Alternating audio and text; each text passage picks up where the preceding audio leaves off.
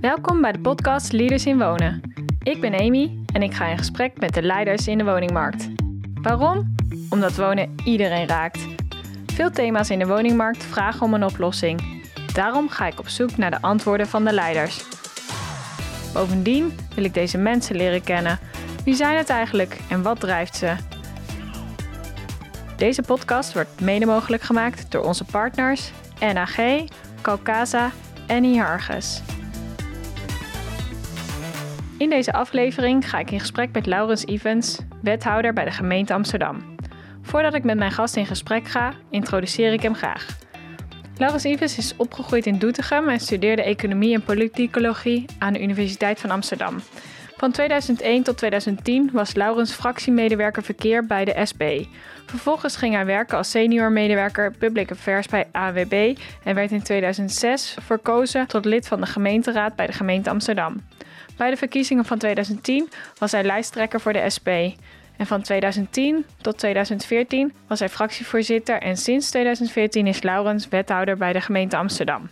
Laurens is 44 jaar en woont met zijn vrouw en drie kinderen in Amsterdam.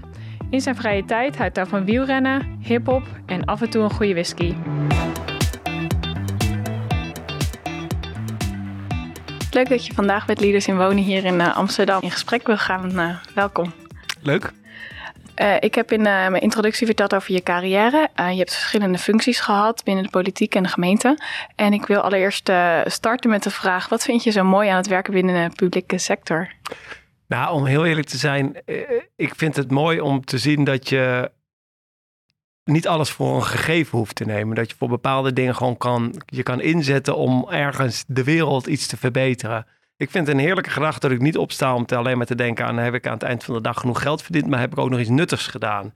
Nou, en dat gevoel heb ik wel echt dat ik iets nuttigs mag doen in die, uh, in die publieke sector. Me echt voor de samenleving inzetten. Ja, dat, dat geeft toch wel, uh, wel een goed gevoel. En hoe doe je dat?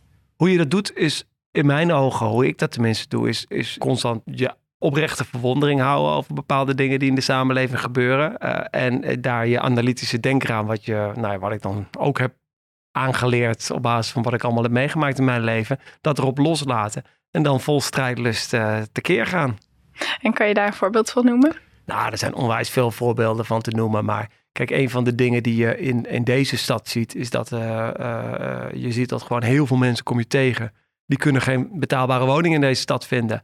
Nou, als je geen betaalbare woning vindt en je ziet dat, hè, je ziet mensen dat hebben. Mijn analytisch denkraam zegt constant, maar het hoeft helemaal niet zo te zijn. Want het is niet zo dat per definitie als een woning nu duurder is en hij is nog steeds voor hetzelfde geld gebouwd, dan hoeft hij niet duurder verhuurd te worden dan dat hij uh, 10, 20 jaar geleden werd verhuurd. Dus mijn analytisch denkraam zegt, hey, dit is eigenlijk best gek. Nou, hoe probeer je dat dan aan te kaarten? Door als wethouder het probleem neer te leggen en ook aan te leggen, hey, dan, dan zit hier iets structureel mis. Wat kunnen we eraan verbeteren? Wat kan ik er beter aan doen vanuit de gemeentelijk perspectief? Waar kan ik andere partijen uh, op beroepen om het beter te gaan doen? Ja, en dan heb je dus een oprechte verwondering dat mensen in deze stad niet kunnen uh, wonen. Een mogelijke oplossing dat het helemaal niet met geld hoeft te maken. En een publieke kant. Dat je dus kan zeggen, wat kan de overheid dan aan bijdrage leveren? Mooi om uh, in ieder geval die strijdlust ook hier uh, tegenover me te zien. Um, en ik um, uh, zou daar graag verder op, op ingaan in het, later in het gesprek. Ik zou allereerst nog even meer willen horen over jouw carrièrepad. kun je me meenemen in de keuzes die je tot nu toe gemaakt hebt in je carrière? Dat kan.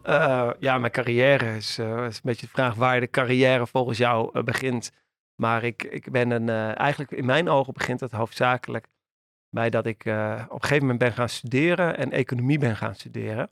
En toen ik economie ging studeren, toen was in les 1 van de economiestudie, was uh, uh, meer is altijd, is altijd beter en alles is in geld uit te drukken.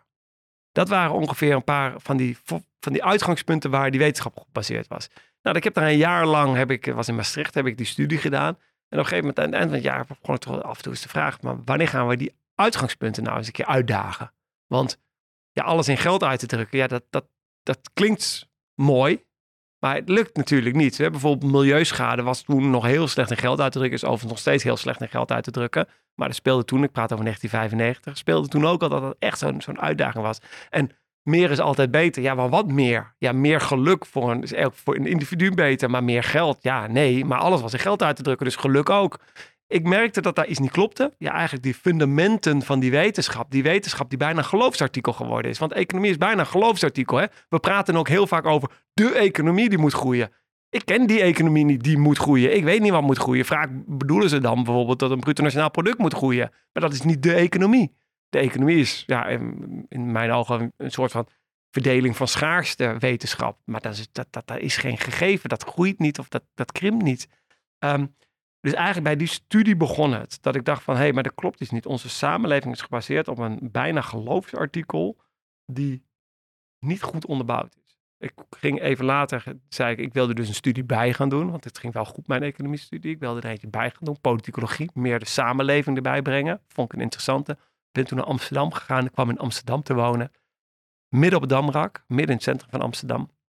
En ik zag de armoede en ik zag de rijkdom. Allebei. Want ja, je zag aan de ene kant zag je de vrouwen die uitgebuit werden op de wallen. Ja, want ik geloof mij, de meeste was echt niet vrijwillig die daarvoor kiezen. Uh, aan de andere kant zag je, uh, aan dezelfde kant zag je ook bedelaars en dergelijke. Aan de andere kant zag je de beurshandelaren die op dat moment, hè, praten over 1997 ongeveer, enorm grof geld aan het verdienen waren. Dus je zag die samenleving dat ik echt dacht, dit klopt niet. En dan een denkraam erbij. Nou, dat heeft mij kritisch individu gemaakt, heeft mij lid gemaakt van een politieke partij, van de SP werd ik lid. Ehm, eh, die ook die, die tweedeling toen aankaarten. En vanuit die kant is het balletje eigenlijk helemaal gerollen. Toen ben ik zowel vanuit de politieke als vanuit die wetenschappelijke hoek ben ik steeds harder gaan lopen, steeds meer gaan doen. Met eerst maar eens een keer ook wat vrijwilligers werken, in vrije tijd damles geven aan kinderen. Nou, die kinderen wilden helemaal geen damles, maar die kinderen wilden serieus genomen worden. Er was kinderen in een achterstandsbuurt die wilde serieus genomen worden. Dat je ook denkt van wat is dit voor wereld waar ik eigenlijk in leef? Ik ben geboren in de Achterhoek. Ik vond het een hele gekke wereld wat ik hier in Amsterdam verder tegenkwam. Nou, die oprechte verwondering heeft mij eigenlijk alles gebracht. Want de carrière stappen zijn daarna uh, studie afgemaakt uh, uh, met een leuk bijbaantje erbij. Daarna ben ik gaan werken voor de Tweede Kamerfractie van de SP. Uh, heb ik het politieke werk geleerd. Ben ik ondertussen de gemeenteraad ingegaan. Uh, ook nooit voor gekozen echt, maar gewoon min of meer ingerold. Ik werd gevraagd, wil je die gemeenteraad in? Nou ja, uh, ja prima, ja, doen we dan. ik ben ook nog voorzitter geweest van de afdeling. Heel veel acties mogen meehelpen organiseren in die tijd. ben naar de ANWB gegaan op een gegeven moment. Van, vond het dat ik te veel alleen maar in de politiek zat niet goed voor iemand. Alleen maar in de politiek. Dus ik zei op een gegeven moment, nu moet ik echt even die politiek ook uit. Ik ben er maar ingerold. Ik moet er ook weer uit kunnen. Ben ik de ANWB heen gegaan. Uh, nog wel als uh, beleidsbeïnvloeder noemden we dat. Een soort lobbyist. Dus uh, nog wel die politieke hoek op. Maar was wel heel interessant. Omdat je daar veel minder politiek moest, moest concurreren of wat dan ook. Maar veel meer nuchter moest kijken naar wat gebeurt.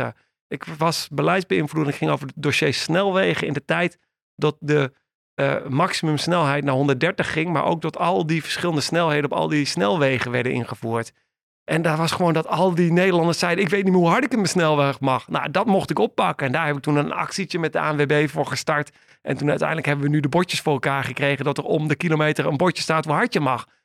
Enorm veel boetes mee weten te voorkomen. Samen met al die ANWB-leden. Niks politieks aan, maar wel hartstikke gave actie. Hartstikke gaaf opgezet. Nou, vanuit die ben ik op een gegeven moment. Uh, wethouder geworden. Ik was dus al raadslid. En op een gegeven moment uh, kwam mijn partij in de positie dat wij uh, wethouders moesten gaan leveren. En toen werd, uh, werd, mij gevraagd of ik dat wilde doen. En dan doe je dat. En bevalt me nog steeds.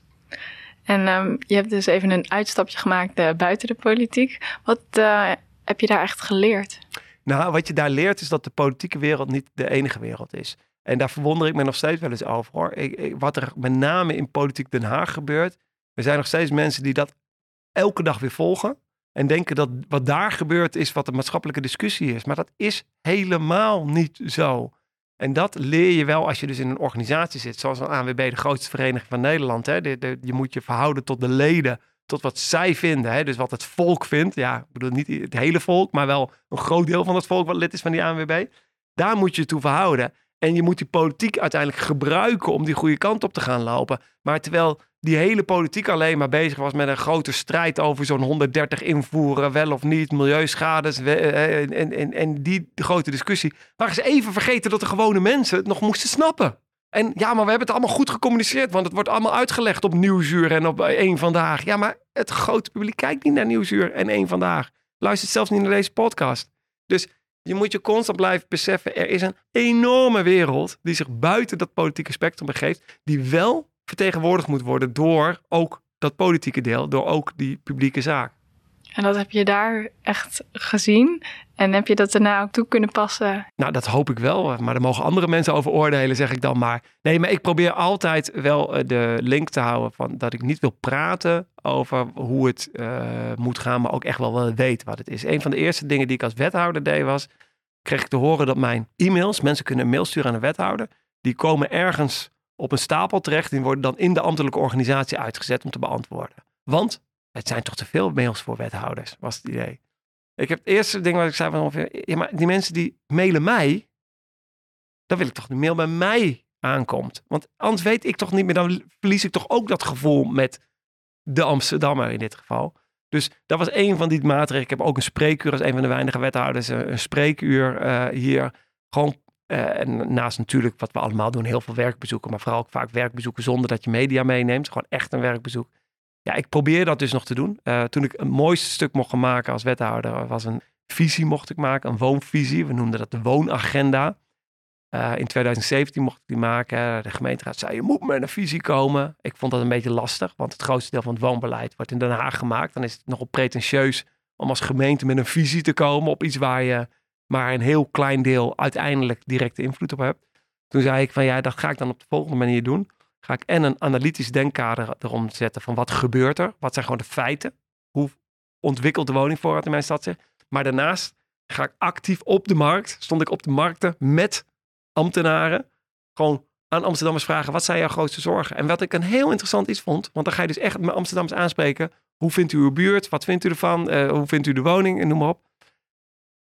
En wat ik een heel interessant inzicht daarin vond, is dat wij het heel vaak over een andere probleem bij wonen hebben dan wat heel veel Amsterdammers hebben.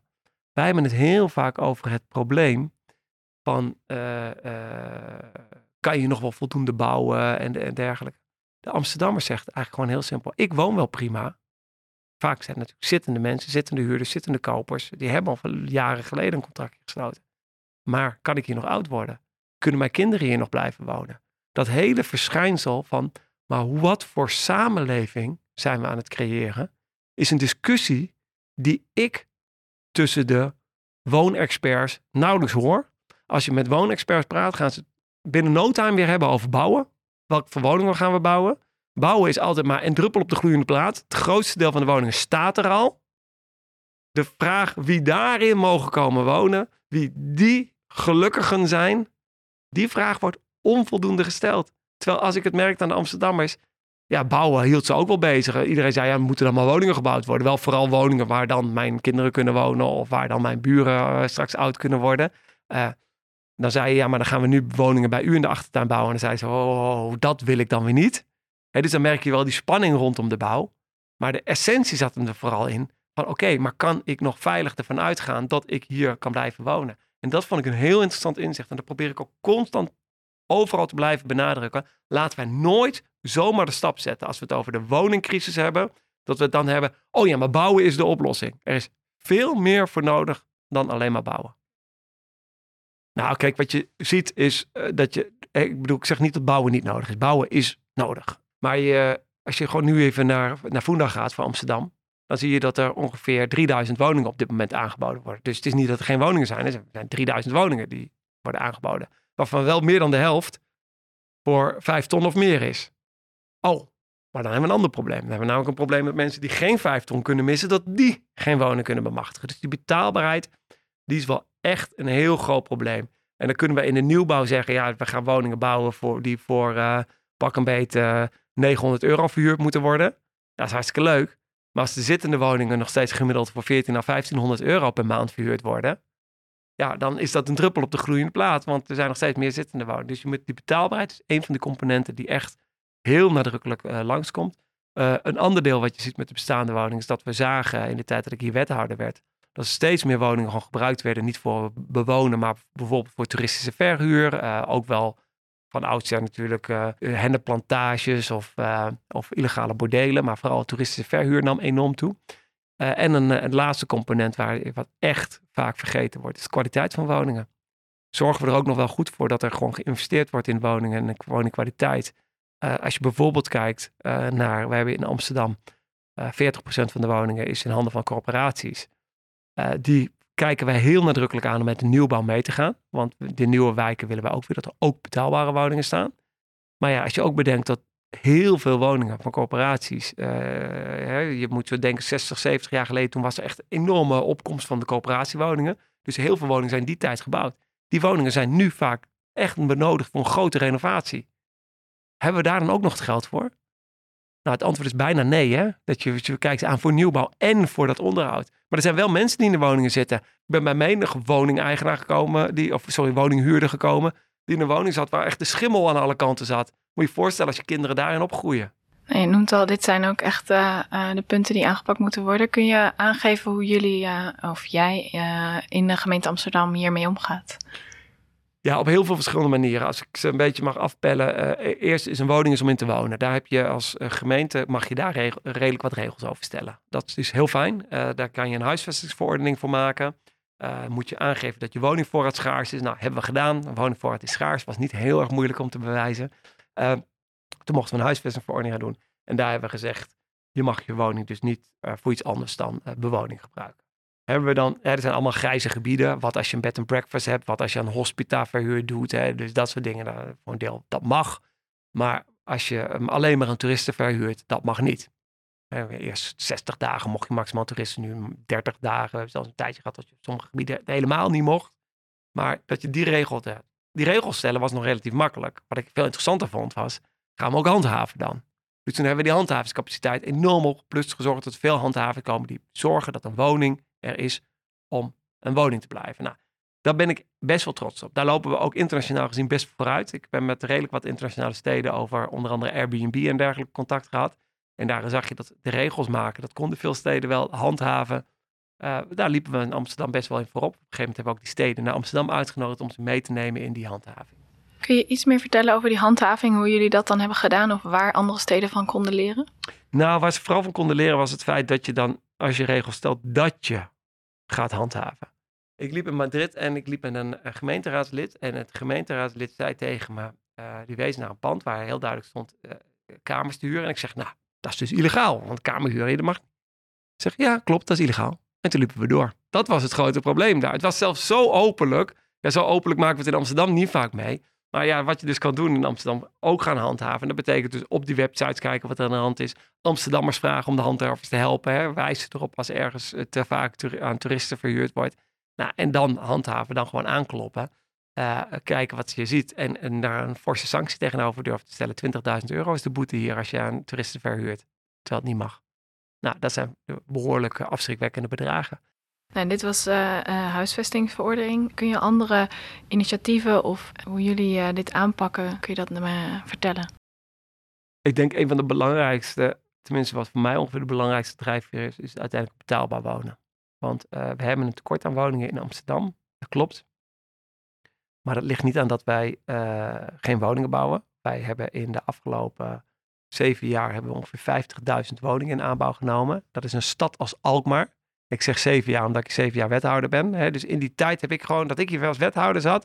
En dat komt niet door mij, want ik bouw ze niet. Dat doen die beleggers die investeren, die bouwvakkers die ze bouwen, die ontwikkelaars die ze ontwikkelen. Hè. Dat, dat zijn de helden die die bouw regelen. Wat wij gedaan hebben is dat wij op een gegeven moment gezegd hebben, het gaat ons niet meer alleen maar om de aantallen woningen, we willen ook de juiste betaalbaarheidssegmenten. We hebben ingevoerd een regel dat van alle nieuwbouw 40% in het sociale segment moet zijn, 40% in het zogenaamde middensegment en 20% aan de vrije markt. Dat betekent dus 80% betaalbaar. 80% gereguleerde prijs. Ja, er is voor minimaal 25 jaar een prijs, een maximale prijs gesteld. Voor 80% van de woningen. Uh, voordat ik wethouder werd, was dat 30% vaak dat we daar de prijs voor, voor regelden. We hebben wel de prijs, hè, dus ook het middensegment erin nieuw laten staan. Waar ik echt heel trots op ben, is dat wij dat aan betaalbaarheid hebben gedaan, maar dat we dus ook de lef hebben gehad om een heel nieuw segment te laten ontstaan. Het middensegment. Er waren twee segmenten, het sociaal segment en het vrije marktsegment. Maar dat leidde in Amsterdam ertoe dat we echt een, een tweedelingsstad kregen. Namelijk degene met een huurprijs voor 650 euro en degene met een huurprijs van 1400, 1500 euro. En daartussen dat je niks had. Dat segment hebben we echt laten ontstaan. Dat is wat de afgelopen zeven jaar Amsterdam voor elkaar gekregen heeft. En dat, nou, dus de regel die we gesteld hebben, 40, 40, 20. Dus 40% moet in dat segment gebouwd worden. Met ehm, ontwikkelaars, beleggers die ook die kant op wilden gaan. Uh, daar hebben we die regels mee gesteld. Uh, de teleurstelling zit ook tegelijkertijd op het middensegment. Want ik heb dit middensegment voor de nieuwbouw weten te creëren. Als je vraag is, ja, maar hoe zien we dat in een stad? Zien we dan ook die 40%? Nee, natuurlijk niet. Want voor de bestaande bouw bleef het heel erg stil. Al die jaren. Toen kwam minister Blok. Die zei, het middensegment is ook belangrijk. Nou, hartstikke mooi dat minister Blok dat vond. Minister Blok heeft toen een werkgroep aan het werk gezet. Dat was, uh, noemde hij de samenwerkingstafel van, uh, van Gijssel, was dat. En um, die is een jaar lang op allerlei lokale plekken gaan kijken wat er nodig was om het middensegment tot stand te laten komen. Daar heb ik toen onmiddellijk mijn vinger op gestoken. Wil ik wel meedoen? Want wij liepen al, we waren al wel middensegmentwoningen aan het bouwen. Alleen we waren nog niet zo standaard alle regels. Het was nog geen volledig segment en noem maar op. Nou, we hebben, in die tijd hebben wij gezegd, oké, gaan we met die bouw verder. Dus dan zaten we met, met, met, met, met hem tafel van hoe gaan we dat dan doen. Uh, hebben we met de ontwikkelaars, met de beleggers, hebben we hier dat segment langzaam zeker tot stand laten komen. Dat semi-gereguleerde middensegment voor de nieuwbouw. Alleen daar stonden, het waren twee dingen waar constant ook tegen Van Gijssel zei en tegen minister, als ik wist, ik haar, want dat werd toen minister Ollongren, als ik haar sprak. Um, constant, oké, wij regelen het dan voor de nieuwbouw. Regel jij het dan voor de bestaande bouw? Dat die betaalbaar is. Nou, en dat, daar wacht ik nog steeds op het antwoord. Want daar heeft uiteindelijk Van Gijzel in uh, wat is het, januari 2018 een voorstel voor gedaan. Hoe ook de bestaande woningen betaalbaar moesten blijven. Die werd door de minister omarmd. Daar heeft in april 2018 heeft de Kamer gezegd, hartstikke leuk, maar moet op een andere manier. Daar hebben we toen twee jaar lang over lopen steggelen. Over welke manier dan? En ik heb altijd gezegd, maakt mij niet uit welke manier. Als het resultaat maar is dat ook in de bestaande woningen, woningen in het middensegment blijven. Twee jaar later zei de minister, ja, ik ga wel iets doen aan gemaximeerde huurstijgingen voor zittende huurders. Maar ja, nogmaals, het is degene die zitten. Dat had ik geleerd in die markt uh, waar ik was. Degene die eenmaal in een huurwoning zitten. Daar zit vaak het grootste probleem in. Degene die een woning moeten bemachtigen heeft het grootste probleem. Daar deed de minister niks in. En dat is nog steeds oorverdovend stil, wat we daarop gaan doen. En dat betekent dat ik dus op dit moment uh, heel veel woningen in het middensegment laat ontstaan. We hebben afgesproken met de beleggers 10.000 woningen in Amsterdam voor de komende vijf jaar in het middensegment laten ontstaan. Nou, hartstikke gave getallen. Daar wordt echt, daar is nu behoorlijk aan de gang zijn ze met die bouw daarvan. Dus ik ben heel trots op dat middensegment wat ontstaat. Maar ondertussen blijft het dweilen met de kraan open, want de bestaande woningen worden in een rap tempo duurder. Dat betekent in die tijd dat ik die 10.000 woningen bouw, zullen er meer dan 10.000 woningen alweer uit het middensegment of voor de middeninkomens onbetaalbaar geworden zijn. Ja, en dat, dat vind ik een hele lastige constatering. Want als ik dan weer over heb wie mag er in deze stad wonen, dan is kennelijk de conclusie toch nog steeds dat in deze stad mensen met een laag of gemiddeld inkomen toch het nakijken hebben. Zou je kunnen aangeven hoe, um, ja, welke ideeën daarvoor waren of hoe dat zou kunnen? Of wat daar nu in Den Haag ligt? Nou, de, het idee wat er ooit als compromis door Van Gijssel is neergelegd, was een idee bij uh, nieuwe verhuringen. Als die een hogere huurprijs krijgen, en praat over verhuringen in het vrije sector, hè? als die een hogere huurprijs krijgen, dat die dan in schaarste gebieden waar echt een tekort aan middenwoningen is, dat dan we mogen zeggen dat ze maximaal ja, wat de zogenaamde puntentabel zal regelen. Dat betekent dat geen enkele huurprijs verlaagd hoeft te worden, maar alleen maar bij nieuwe verhuringen de prijsstijging gemaximeerd zou kunnen worden. Nou, het was een ultiem compromis. Uh, ik heb uiteindelijk gezegd, nou, compromis, eigenschap van een compromis is dat je met elkaar ja zegt op een gegeven moment. Want compromis is beter dan niks. Uh, maar dan ga je er een beetje vanuit de andere partij, de andere kant, degene die wat meer de ruimte wilde geven aan beleggers, uh, ook ja zouden zeggen. Nou, dat is dus niet gebeurd. dat heette de noodknop. De noodknop van Van Gijssel was dat. Dus een noodknop, je kan hem als stad indrukken als je een tekort hebt. Je dupeert er in principe niemand mee. Je beperkt alleen de extra inkomsten van die verhuur. Dat was een noodknop. Wat veel eenvoudiger is. We hebben een, Er bestaat een zogenaamd puntenstelsel.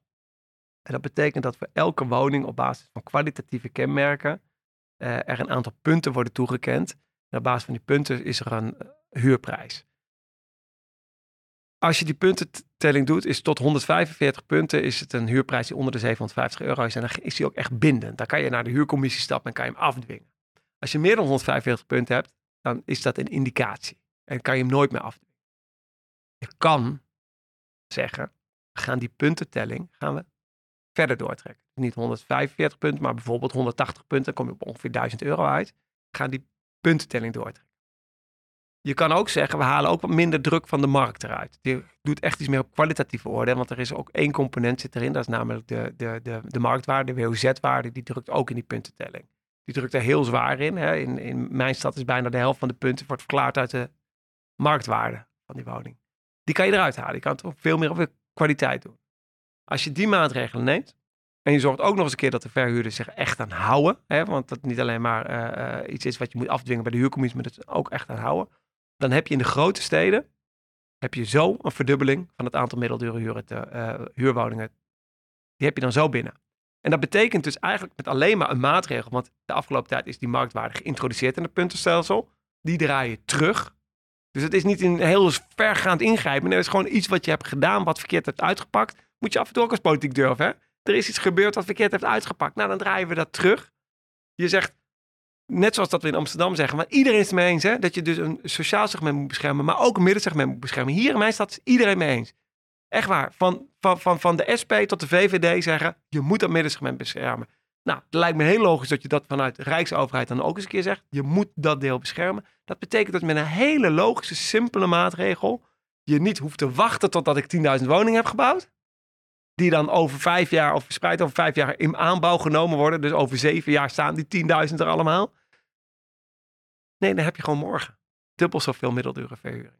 Hele eenvoudige maatregelen. Nu even lastig, want uh, terwijl we dit opnemen is even geen minister, alleen maar een demissionair minister. Ik snap dat dit voor een demissionair minister misschien heel ingewikkeld is.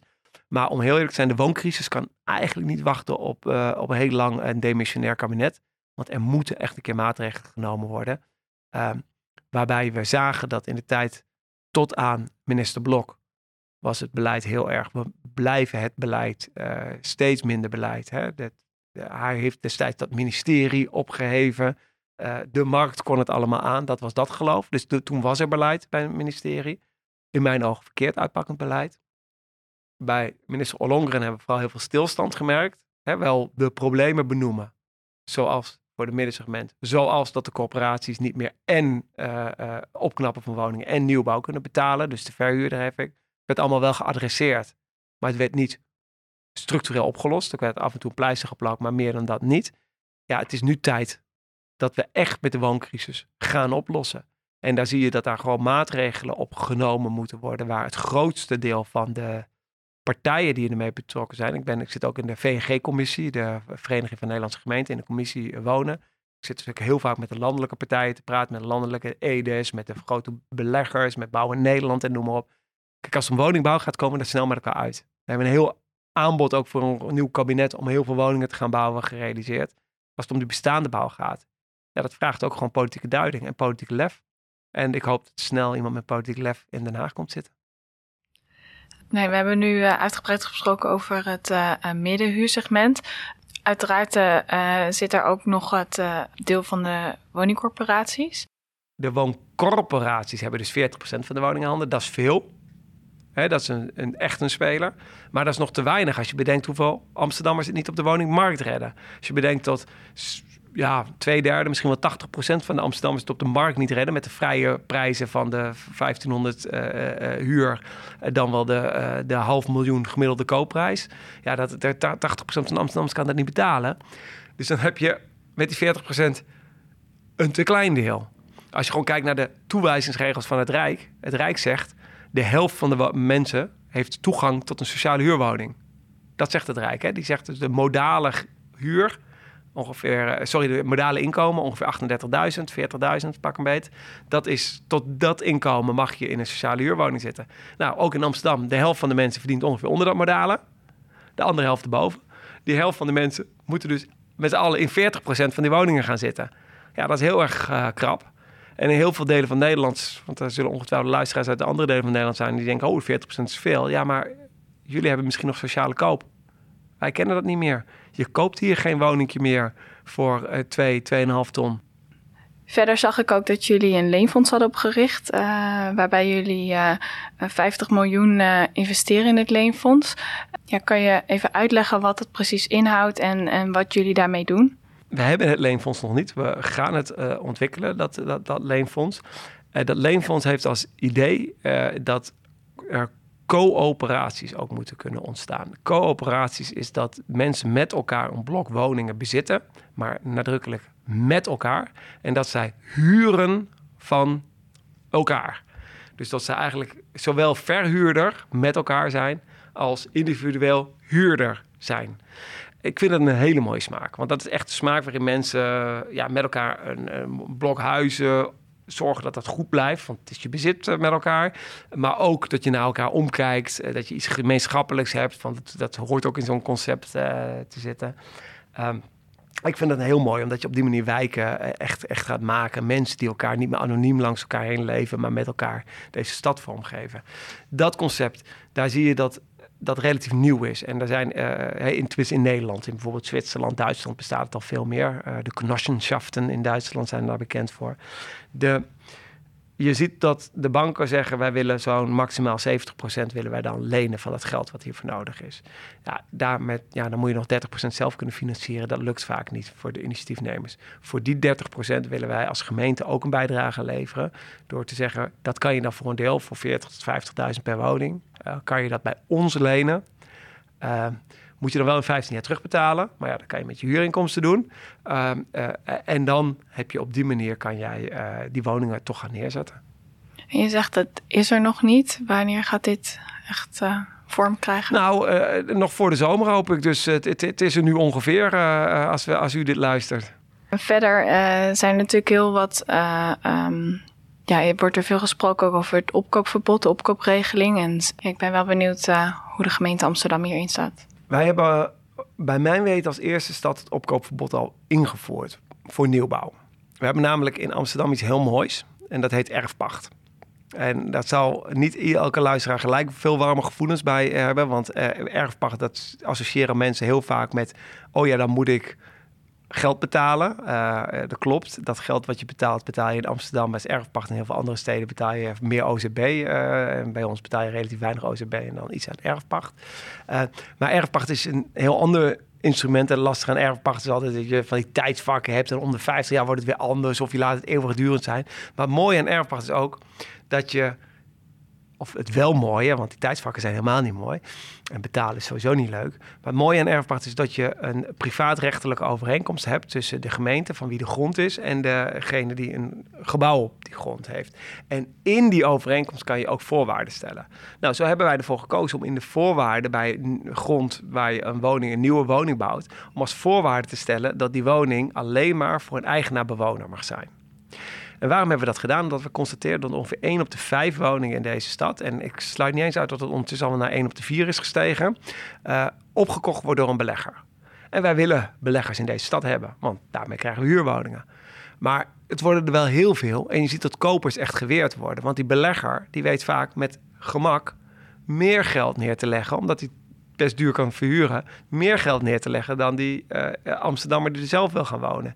Dus je ziet dat eigenlijk de mensen die hopen om een eigen huisje te kunnen hebben, hun eigen pensioentje kunnen opbouwen in dat huis, dat die nakijken hebben of enorm moeten gaan overbieden, er bizar hoge prijzen moeten gaan betalen. Nou, daarom hebben wij voor nieuwbouw al de opkoopbescherming ingevoerd. Er is nu een, recent ook een amendement bij uh, in de Tweede Kamer aangenomen dat het ook voor de bestaande bouw zou kunnen. Ja, dat gaan we natuurlijk zo snel mogelijk ook uitvoeren. Ja, we, stellen, we lopen niet voor niks hier op, aan kop om dit te willen. Ik heb niet voor niks in Den Haag lopen lobbyen de hele tijd gezegd tegen de minister. Wij willen wat regelen voor de nieuwbouw. Hè, dus betaalbaarheid voor de nieuwbouw. Middensegment willen wij regelen voor de nieuwbouw. Maar ook die opkoopbescherming hebben wij geregeld voor de nieuwbouw. Minister, wilt u het dan doen voor de bestaande bouw? Die vraag heb ik constant gesteld. Dat heeft ze nu met uh, de opkoopbescherming, heeft de minister het niet geregeld, maar de Tweede Kamer geregeld. Ja, dan gaan wij het zo snel mogelijk natuurlijk invoeren. Uh, en ik hoop dat dat voorbeeld ook snel gevolgd gaat worden voor dus het middenhuur. Dat ze daar ook het voorbeeld gaan doen van ja, Amsterdam geeft het goede voorbeeld en wij koppelen hem in voor de bestaande bouw. Een ander thema wat uh, belangrijk is binnen de woningmarkt is uh, verduurzaming. Ja, hoe je ziet dat de stad ook echt kan verduurzamen als het gaat om bestaande woningen en eigenlijk natuurlijk ook uh, nieuwbouw.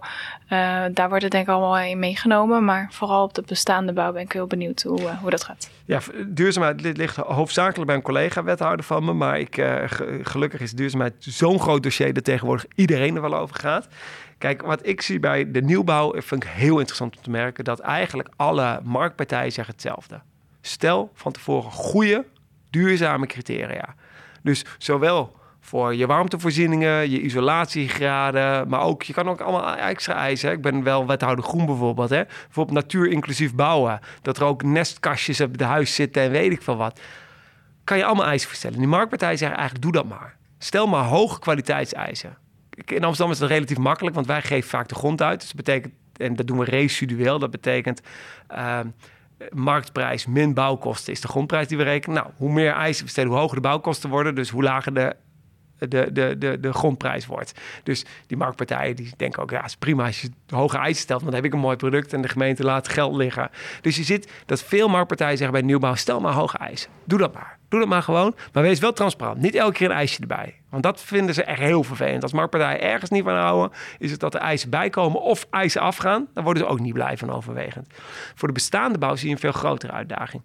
Want we hebben heel veel woningen van 60, 70, 80 jaar oud in deze stad. We hebben natuurlijk ook hele oude woningen. Maar je ziet met name in die uh, ja, die woningen ja, staan veel in Nieuw-West, uh, Noord, heb je veel van die woningen die, die, die, die nou ja, net een aantal decennia oud zijn. En je weet, na, na uh, ongeveer 50 jaar is een woning echt wel eens toe aan een grote beurt om eerst bekeken te worden.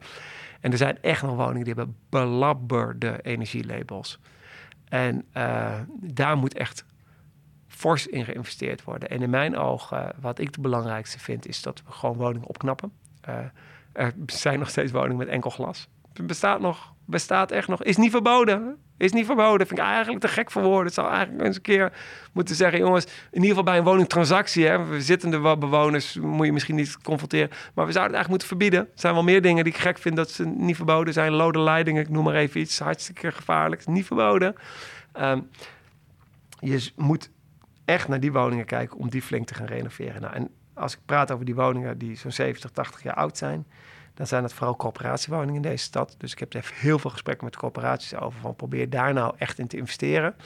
Het lastig bij coöperaties is dat ze heel vaak ook weer woningen verkocht hebben.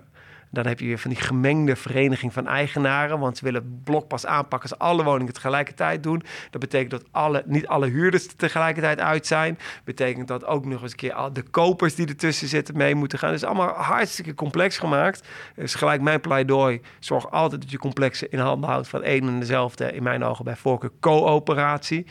Uh, en anders maar coöperatie. Um, want daar moeten we echt meters maken. Dus daar hebben we allemaal afspraken met z'n over gemaakt. Dat zij ook echt flink wat doen aan het uh, ja, toch wel uh, beter isoleren van de huizen. Zijn er nog andere thema's of um, uh, onderwerpen waarvan je zegt dat moet ik eigenlijk toch nog wel echt benoemen? Nou, ik zou ontiegelijk veel kunnen benoemen. Maar als ik ze even bedenk, ja, ik, ik, ik haakte net al even aan over, over, over um, woningkwaliteit. Ik vind woningkwaliteit nog wel echt een thema wat in mijn ogen benoemd moet worden. Kijk, ik merk als wethouder dat mensen mij weten te vinden. Ik krijg veel mails, mensen klampen je aan en mensen hebben een soort verwachting en hoop dat je problemen kan oplossen. En dat zie je in betaalbaarheid van bestaande bouw dat we daar al weinig over te zeggen hebben. Dus daar is teleurstelling één.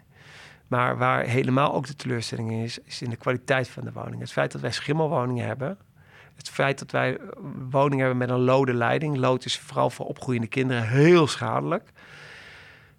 Dat je als gemeente dat niet kan verbieden, omdat de wetgever heeft besloten dat het niet verboden is. Dat maakt mensen wel sceptisch, cynisch. Dat maakt mensen wel dat ze denken van, oké, maar waar hebben we dan nog een overheid voor? En dat deel ik wel. Als de overheid al niet meer als rol heeft om te zorgen voor voldoende betaalbare woningen en op voldoende kwalitatief goede woningen, wie dan wel? En wat staat er dan exact in die grondwet waar toch staat dat de overheid daar wel zorg voor draagt? Dat is wel een beetje een dode letter aan het worden. En dat, nogmaals, als het gaat om woningbouw, voldoende woningen, daar zijn alle neuzen dezelfde kant op. Dat willen we allemaal wel met elkaar. Maar als het gaat om betaalbaar en kwalitatief, zit daar toch wel echt mijn pleidooi dat we echt uh, ja, de grondwet op gespannen voet staat onhandelen daarmee. En dat vind ik heel heftig. Ik bedoel, ik ben niet overal fan van de grondwet, maar dat artikel wat daar staat, is toch echt met een oorsprong gestaan. Want dat betekent namelijk, wij willen voorkomen dat er allemaal ghetto's, achterstandsbuurten uh, en mensen in echt penibele situaties wonen. Ga maar eens wat boeken lezen over, over hoe deze stad er 100 jaar geleden uitzag. Wat voor krotjes er toen ook verhuurd werden en dergelijke. Daar schrik je echt van. Er is niet voor niks een woningwet gekomen in, wat is het, geloof 1903, waar die woningwet kwam. Er is niet voor niets iets ontstaan waarin we zeiden, we moeten dit met elkaar doen. Dan moet je niet eens een keer in 2017 staan juichen als je een ministerie hebt opgeheven. Dan moet je je verdomd schamen daarvoor. Als je een ministerie hebt opgegeven, als je de problemen niet hebt weten op te lossen. Nou, daar zit wel mijn motivatie om te, constant mee te blijven gaan. Omdat die mensen bij mij aan mijn benen hangen en zeggen: Wethouder, los op, doe er wat tegen. Waarom verkoopt die corporatie woningen? Wij willen toch meer corporatiewoningen. Waarom moet hij dat verkopen? Ja, omdat hij een achterlijke belasting moet betalen, omdat er ooit een financieringstekort bij het Rijk was. Ondertussen heeft het Rijk helemaal geen financieringstekort meer. Maar de huurder moet nog steeds betalen voor dat financieringstekort. Het is zo onuitlegbaar dat het antwoord op ruim 100 jaar na de verkrotting, 100 jaar opbouwen van beschavingen wonen, dat het antwoord na die 100 jaar is, iets meer dan 100 jaar, dat het antwoord is: we hebben ons als overheid overbodig gemaakt. We gaan weer afhankelijk zijn van de markt. Nou, dan komt mijn economie weer even in op. Dan weet ik dat alles met conjunctuurgolven gaat. Maar ik hoop wel dat dit dalletje in de conjunctuur van zeer korte duur is. Nou, dit lijkt me een mooie afsluiter van, uh, van dit thema. Um, ik zou uh, nog iets meer over jou zelf willen weten. Um, in wat voor soort omgeving ben jij zelf opgegroeid? Ik ben opgegroeid in Doetinchem. In een ehm, mooi rustig wijkje, in een koophuis. ja, bijna onvoorstelbaar voor een Amsterdammer hoe ik ben opgegroeid. En wat is de invloed geweest van jouw opvoeding op, op ja, hoe je nu in het leven staat of de keuzes die je hebt gemaakt? Nou, Doetinchem is natuurlijk de grote stad, hè? Dat is het centrum van de Achterhoek. Uh, de grote stad waar ik, uh, waar ik woonde. Uh, dat is natuurlijk als je in Amsterdam komt, moeten mensen daar enorm om lachen. Want vergeleken met dat is het niks. Maar wat het met, waar Doetinchem bekend om staat, de Achterhoek bekend om staat, is het wel de Achterhoekse nuchterheid. En ik denk dat ik die nuchterheid wel voor een groot deel meegenomen heb. Je, ik zie niet snel hele gekke dingen doen of veel te grote broek aantrekken. Het moet allemaal wel gewoon kunnen. En we moeten wel, doe even normaal. Dat gevoel. Uh, dus dat, dat heb ik wel heel erg vastgehouden. Het tweede wat is, is de, ik geloof dus in Twente hebben ze over na, naberschap. Ik vind dat een lelijk woord. Um, uh, maar het gevoel een beetje naar elkaar om te kijken en samen voor een wijk zorgen. Um, ik weet nog dat ik in Doetinchem wel eens een keer van mijn fiets viel... en dat er heel snel allerlei mensen om je heen komen... om je te helpen overeind te... Terwijl hier het gros van de mensen misschien toch even doorfietst. En dat is natuurlijk heel kleinmakend. Maar als ik het dan wil leren aan de woningmarkt... ja, als ik een woning heb en mijn kinderen een woning hebben... ja, waar zou ik me zorgen over maken? We gaan wel weer door. Ik heb ontiegelijk veel acties geprobeerd te organiseren op het gebied van wonen. Het kostte vaak heel veel moeite omdat wij heel weinig omkijken naar elkaar. Wij kijken heel weinig om naar degene die echt een probleem heeft om die betaalbare goede woning te vinden. En is dat ook iets wat je echt um, ja, van het huis hebt meegekregen? Wat je ouders ook bijvoorbeeld heel erg hadden? Eh? Ja, mijn ouders zijn wel heel van het uh, goede moraal. Ik ben heel uh, christelijk opgevoed. de meest meest protestant-christelijk Nederlands hervormde school die je in de omgeving me had. Zat ik als basisschool op. Dus ik ben heel erg, ja, wat dat betreft, van, opgevoed met wel normen, waarden. Ook wel goed en fout. Daar heb ik wel heel veel moeite. Met mijn ouders waren gelukkig niet van goed en fout. Dat, dat scheelt dan weer wel. Uh, maar wel met normen en waarden in de zin van, ja, eh, dus ook het samenleving opbouwen. Ja, die heb ik meegenomen. Het geloof heb ik ver achter me gelaten ondertussen. Niet alleen maar het, christelijk geloof, ook het, het economisch geloof heb ik achter me gelaten.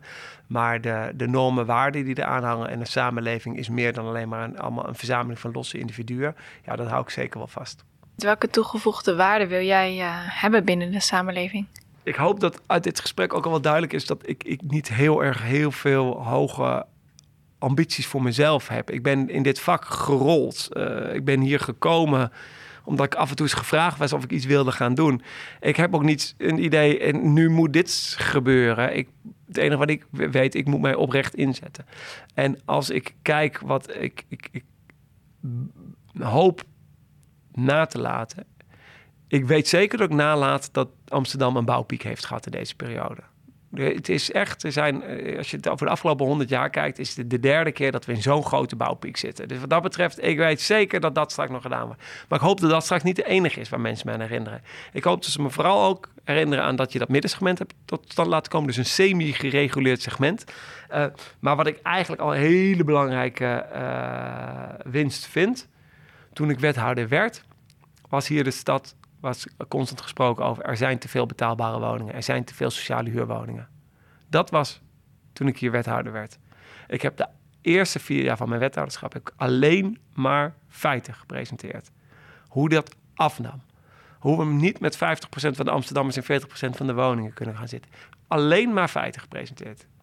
Ik heb, zat in een wat rechtser college destijds, eh, met twee rechtse partijen. Dus ik kon ook nog niet heel erg dat onom keren, die tendens. Maar hoe ik merkte dat de samenleving in 2014 nog zei: er zijn te veel corporatiewoningen. Dus prima, tegen die achtergrond kwam er een verhuurderheffing en dergelijke. Want de corporaties hadden toch gewoon veel geld en hadden niet zoveel eh, belang meer. Naar het heden van nu. Dat mensen zeggen er zijn veel te weinig sociale huurwoningen. Die, die verhuurderheffing moet zo snel mogelijk af en moet veel meer gebouwd worden. Dat vind ik misschien wel het grootste winstpunt. Het is niet iets wat ik heb bereikt, maar wel waar ik samen met een hele hoop activisten, andere mensen die ideeën over de woningmarkt hebben, wel de ideeën over de woningmarkt heb gerationaliseerd. Waardoor we weer met elkaar zien waar de echte tekorten zitten. In plaats van dat we elkaar lopen na te roeptoeteren dat er ergens geen probleem is, terwijl er wel een probleem is. Hoe neem je anderen mee? Ik probeer altijd een stapje vooruit te denken. En uh, ja, ook al een paar stappen vooruit, maar vooral je handelen een stapje vooruit. Dus ik ben niet van de. Uh, in 2050 is er enorme ellende en dat moeten we voorkomen. Hè, wat je vaak bij duurzaamheidsdoelen ziet. Hè. In 2050 enorme ellende, dus we moeten nu wat doen. Ik ben veel meer van één stapje vooruit denken van waar hebben we nu. Dus probeer de geluiden mee te nemen door middel van gewoon het. Uh, als ik een groot debat ga hebben over verkameren, zo'n onderwerp wat in Amsterdam best groot is, hè, woning opknippen in kleinere kamertjes, dan ga ik eerst bij heel veel mensen langs die in een verkamerde situatie wonen.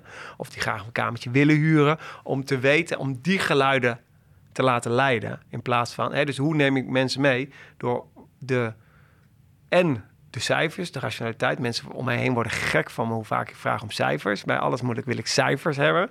Um, ja, er moet een rationaliteit in zitten. En daarnaast probeer ik dat te koppelen aan de individuele verhalen van mensen. Nou, op die manier probeer je mensen mee te nemen in het politiek. Maar ook in de, uh, want uh, minstens zo belangrijk zijn de andere leaders in wonen. Uh, ook aan die tafels waarin je praat met andere uh, partijen, daar constant helder in zijn. Wat is het probleem? En wat ik een van de belangrijkste dingen vind, mijn roep. Op een gegeven moment dacht iedereen dat ik voor de noodknop van Van Gijzel was. Voor die, die, die middeldure huurwoningen die betaalbaar zijn. Het was een compromis. Dat was niet mijn noodknop. Wat ik elke keer weer tegen mensen heb gezegd. Mijn deur staat ook open naar een andere oplossing. Maar als ik hier naar de feiten kijk, zien we dat hier de woningen, als ze vrijkomen, en we hadden toen nog 50.000 uh, sociale huurwoningen in handen van particulieren. Die, van die 50.000 woningen zouden ongeveer 40.000, als ze nu vrij zouden komen, gelijk naar het dure segment gaan. Dus het hele middensegment overgaan. Vind je dat niet gek? Die vraag stelde ik aan beleggers. En die zeiden, ja, vinden we wel een beetje gek. Zou mooi zijn als we wat in het middensegment landen. Vroeg ik aan de minister. Die zei, ja, zou, vind ik ook een beetje gek. Moeten we wat doen. Dus door constant, hoe neem je mensen mee? Door constant weer heel rationeel een feitelijk verhaal koppelen aan mensen, aan mensen voor te leggen, heb je in ieder geval een gedeeld probleem. uiteindelijk, de mensen die ik tegenkom, zitten overwegend allemaal in posities dat ze ook problemen willen oplossen. De enige vraag is, welke oplossing kiezen we met elkaar? Zijn er uh, specifieke mensen of boeken die jou geïnspireerd hebben? Ik vind natuurlijk heel wat ik heel interessant vind, is mensen die de economie durven uitdagen. En dat zijn dus, Karl Marx is natuurlijk eentje. Ik vind een, uh, ik vind een Piketty interessant. Uh, ik vind, ik, de laatste tijd heb ik het boek van Josh Ryan Collins gelezen.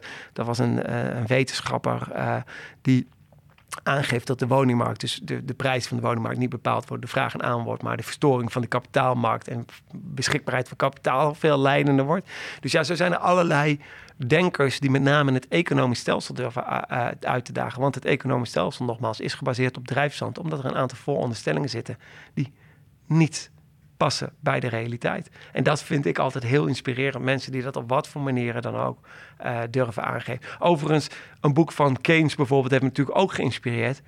Want ja, je moet het ook weten hoe mensen er wel in kunnen geloven in die vrije markt en hoe dat kan werken. Ik ben nog wel benieuwd hoe jij de verhouding werk-privé uh, combineert, dat het ook voor iedereen uh, goed werkt thuis. ja, dat is een, misschien wel de pittigste vraag die ik kan stellen. nee, um, ja, werk en privé is bij mij. Uh, sommige mensen weten altijd hoeveel uren ze werken. Ik weet dat ook helemaal niet, want dat loopt bij mij gewoon helemaal door elkaar. Uh, ik sta eigenlijk constant aan. Ik heb me de afgelopen tijd, ik ben de, de 40 ook gepasseerd. Dus ik heb ook af en toe dat ik nu wel af en toe eens even om een uurtje of tien s'avonds zeg. Nu leg ik de telefoon echt even terzijde en de computer even weg en eventjes niet. Maar voor de rest sta ik constant aan en je bent constant aan het nadenken over wat wil je gebeuren of mensen aan het bellen. Uh, en mijn vrouw heeft een beetje dezelfde passie als ik. Tenminste, we zijn lid van dezelfde partij. Dus dat, is, dat, dat, dat, dat maakt het soms ook wel makkelijker om dat te begrijpen. Mijn stelling is altijd het volgende. Als je echt iets wil kunnen doen voor een ander, moet je ook wel je eigen zaakjes op orde hebben. En dat is soms best lastig. Een van mijn kinderen is ziek geboren. En ja, dan heb je dus echt je zaakjes even niet op orde. Hè. Dus een paar keer dat hij opeens in het ziekenhuis opgenomen werd, dan heb je je zaakjes niet op orde. Dan ben ik serieus even op de winkel aan passen hier. Dan zorg je dat er niks. Maar dan merk ik dat een stukje extra drive om weer dat stapje extra te zetten, dat dat echt, echt even moeilijk is om te leveren. Terwijl ik juist denk, die drive, dat extra stapje, dat, dat is wat ik, wat ik kan. Ja, want in de tijd dat het even, hè, de coronatijd ook, hè, ook zo'n tijd dat even alles niet helemaal ging. Nou, dan ben je als veteran een beetje manager aan het worden. En als het dus thuis ook niet goed gaat, dan ben je even manager. Ja, dat, dat, dat, jij hebt echt dat stapje extra nodig. En het zit hem niet in uren, maar het zit hem in, in je mindset. Dat je even je hoofd kan leegmaken en even een stap kan doordenken. En dat, uh, ja, ik ben alleen maar blij met mijn uh, vrouw en, uh, en natuurlijk lieve kinderen. Dat ik dat ook mag combineren. En je zegt, ik sta altijd aan.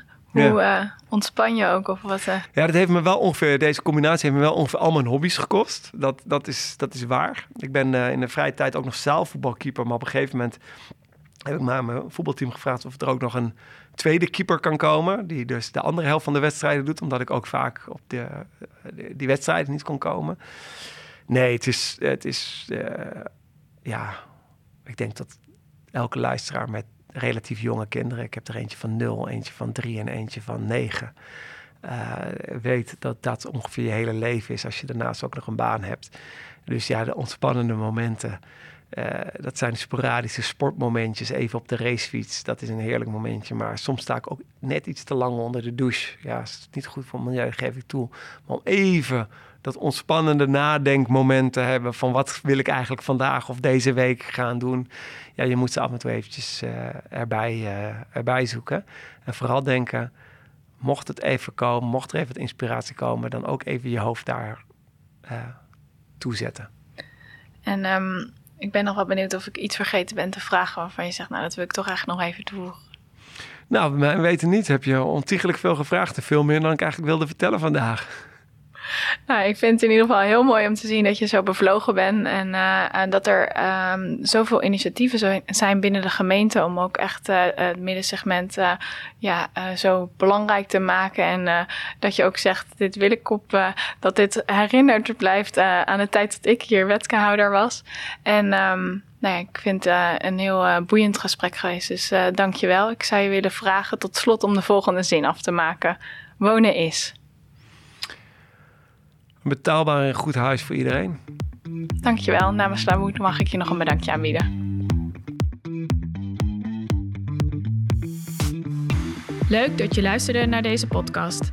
Ik wil onze partners, NAG en Iargus, bedanken. Zonder hen was deze podcast niet mogelijk geweest. Vergeet je niet te abonneren bij Spotify of Apple. En tot de volgende aflevering.